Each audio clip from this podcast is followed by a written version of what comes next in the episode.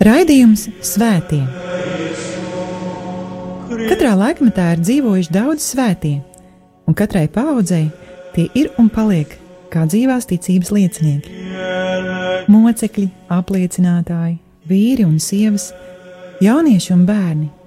Svētie ir tik dažādi, gluži kā mēs, bet ir kāda īpašība, kura visus svētos vieno. Viņi mīlēja, mīlēja Dievu un cilvēkus. Raidījums par svētījumiem ir stāstījums par Dieva mīlestības reālo klātbūtni mūsu dzīvē. Santa Trinitas unos Deus, miserere Lai ir slavēts Jēzus Kristus, mīļie brāļi un māsas Kristū, cienījamie radījuma arī klausītāji! Ir pienākusi kārtēja ceturtdiena un ir viens pēcpusdienā. Tas nozīmē, ka ir pienācis laiks raidījumam par svētajiem. Un pie mikrofona esmu es, priesteris Večeslavs. Šī gada raidījumu par svētajiem, raidījumi par svētajiem ir veltīti tiem svētajiem, kurus baznīca ir apveltījusi ar lielu pagodinājumu – nosauca tos par baznīcas doktoriem jeb baznīcas mācītājiem. Kā jau iepriekšējos raidījumos teicu, pavisam šo svēto ir 36. Un pagājušajā ceturtdienā raidījums bija veltīts svētajam Dominikāņu ordeņa mūkam, priesterim Tomam no Akvinas, kuru iecēla baznīcas mācītāju godā 1567. gadā. Šodien stāstīšu par citu svēto, svēto Bonaventūru, bīskapu, kuru iecēla baznīcas mācītāju godā 1588. gadā.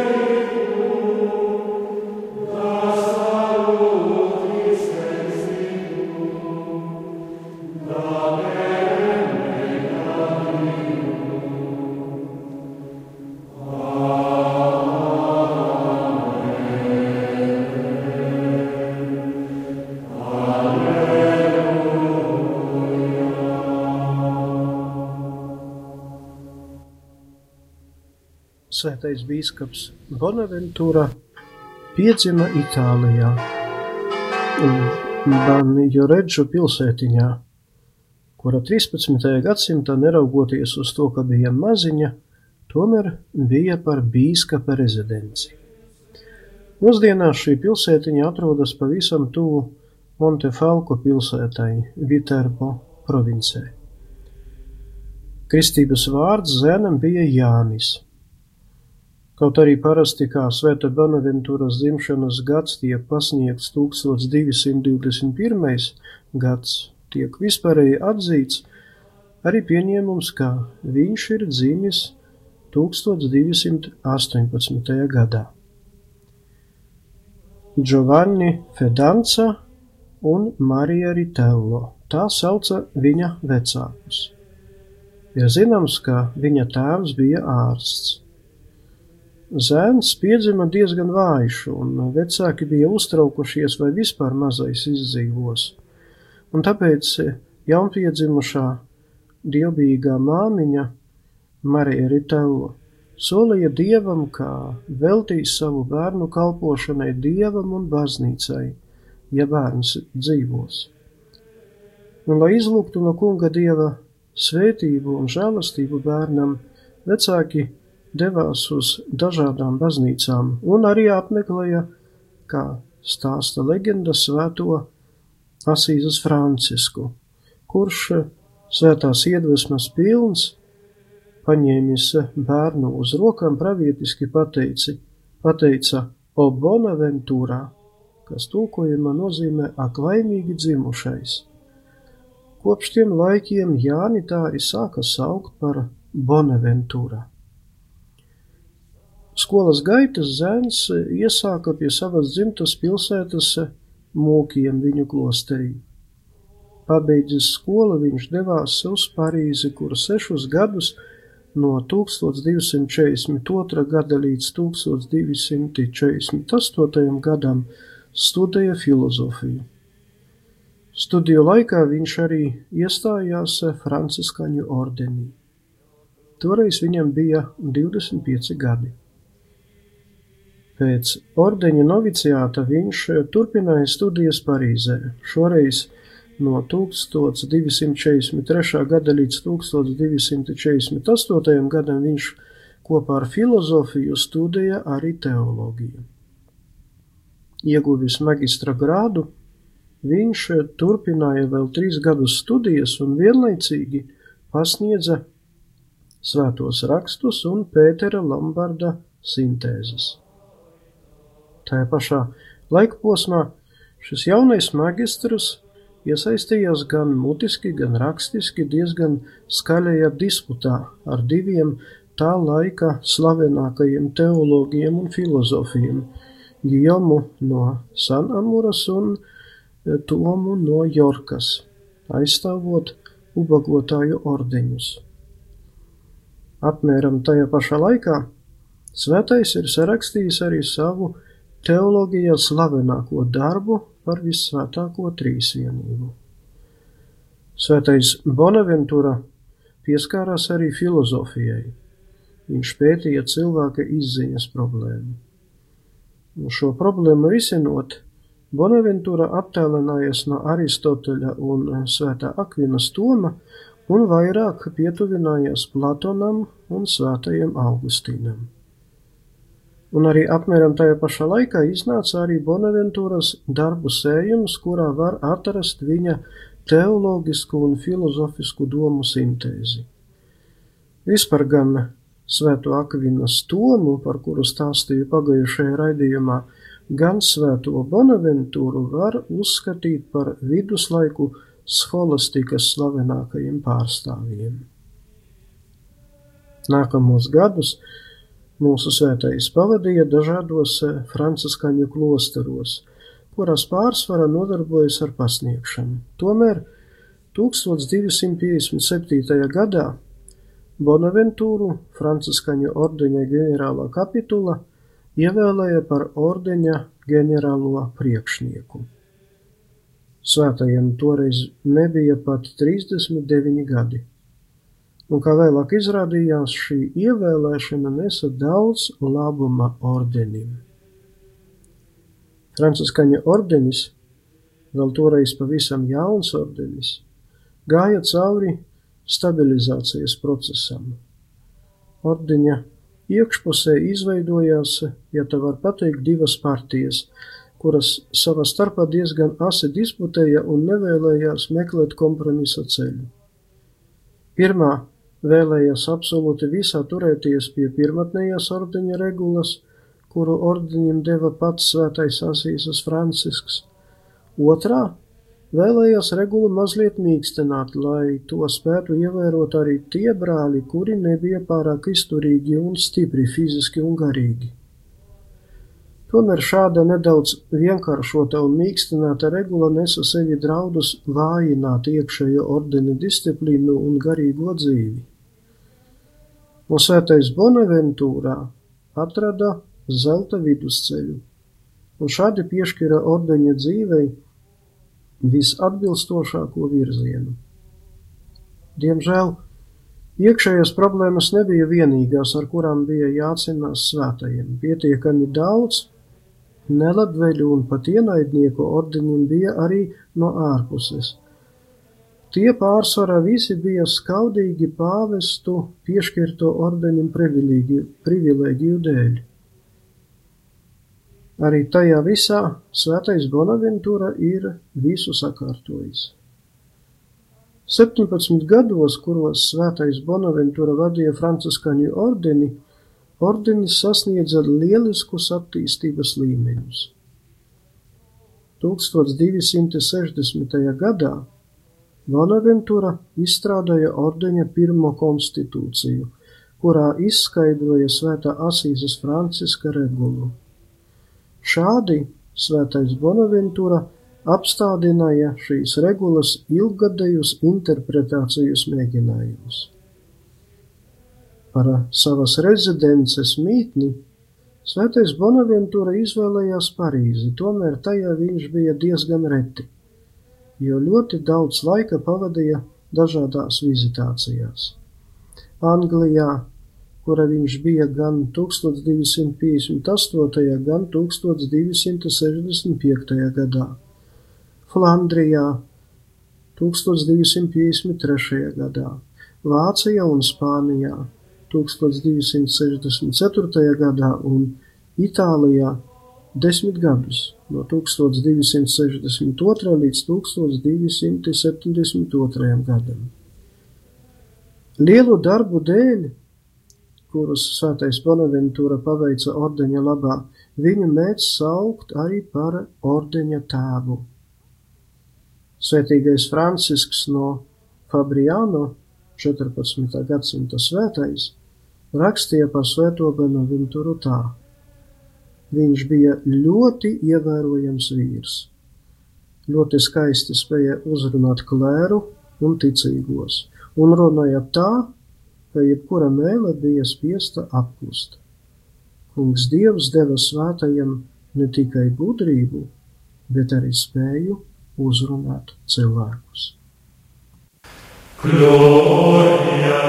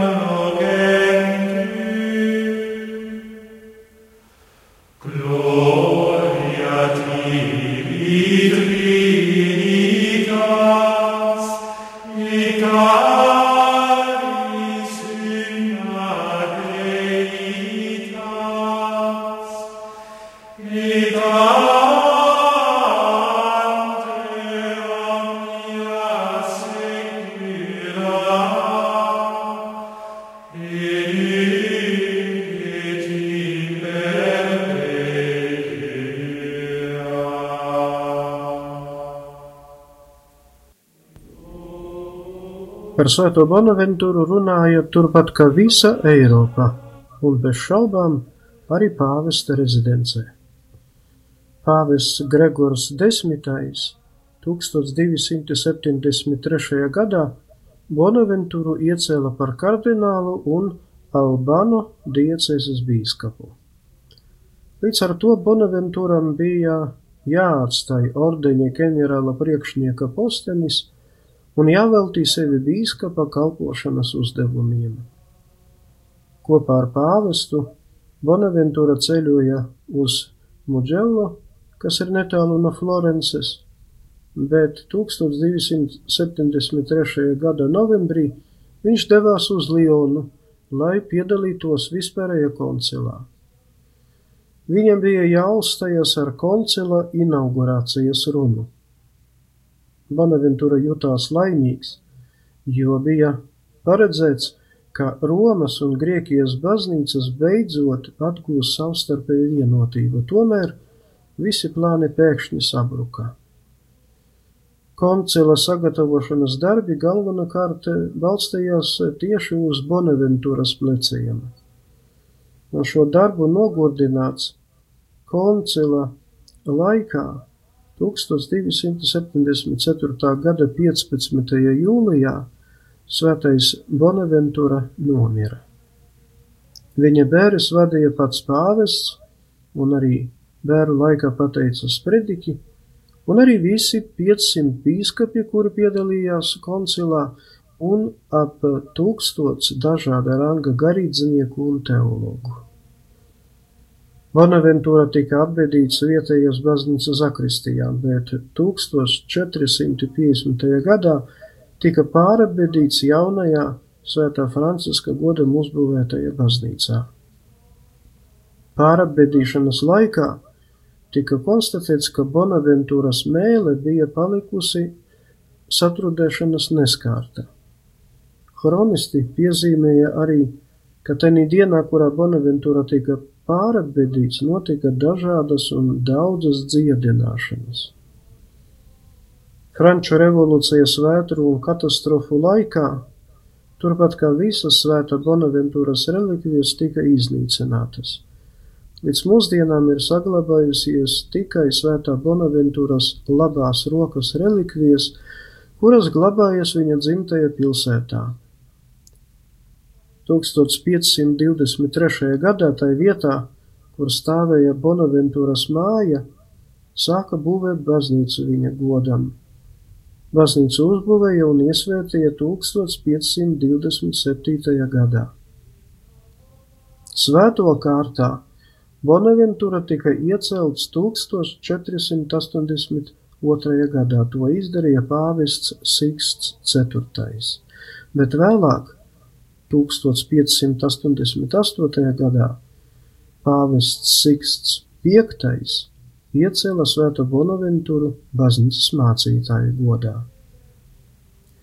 Par iemeslu tam, kāpēc Svētais Bonaventūra ir iecelts baznīcas mācītāju godā, neapšaubami ir viņa gudrība un svētums, ar kuru bagātīgi Bonaventūru apdāvināja pats visvarenais Dievs viņa sarakstītā ordeņa konstitūcija, teoloģiskie komentāri un dažādi traktāti, 440 sprediķi, kuri ir saglabājušies līdz pat mūsdienām un daudz kas cits. Tik tālu par šo svēto baznīcas mācītāju, svēto bīskapu Bonaventuru. Bet nākamais raidījums būs veltīts nākamajam svētajam, kuram baznīca ir dāvājusi baznīcas mācītāja titulu Svētajam Anzelmam no Genterberijas, 11. gadsimta svētajam arhibīskapam, Benediktiņu mūkam un scholastikas dibinātājam. Bet eh, tagad raidījuma beigās lūksimies. Kungs Dievs, tu svēto Bonaventuru apveltīji ar debesu gudrību un darīja viņu par savas baznīcas mācītāju. Ļauj, lai viņam aizlūdzot, mēs uzticīgi glabātu tavu mācību un apliecinātu to savos darbos. Mēs tevi lūdzam mūsu Kunga Jēzus Kristus, tava dēla vārdā, kas ar tevi svētā gara vienībā dzīvo un valda Dievs visos mūžu mūžos. Āmen! Liels paldies par uzmanību, lai ir slavēts Jēzus Kristus! Raidījums Svētie Katrā laikmetā ir dzīvojuši daudz svētie, un katrai paudzei tie ir un paliek kā dzīvās ticības liecinieki. Mocekļi, apliecinātāji, vīri un sievas, jaunieši un bērni. Svētie ir tik dažādi, gluži kā mēs, bet ir kāda īpašība, kura visus svētos vieno. Viņi mīlēja, mīlēja Dievu un cilvēkus. Raidījums par svētījumiem ir stāstījums par Dieva mīlestības reālo klātbūtni mūsu dzīvē.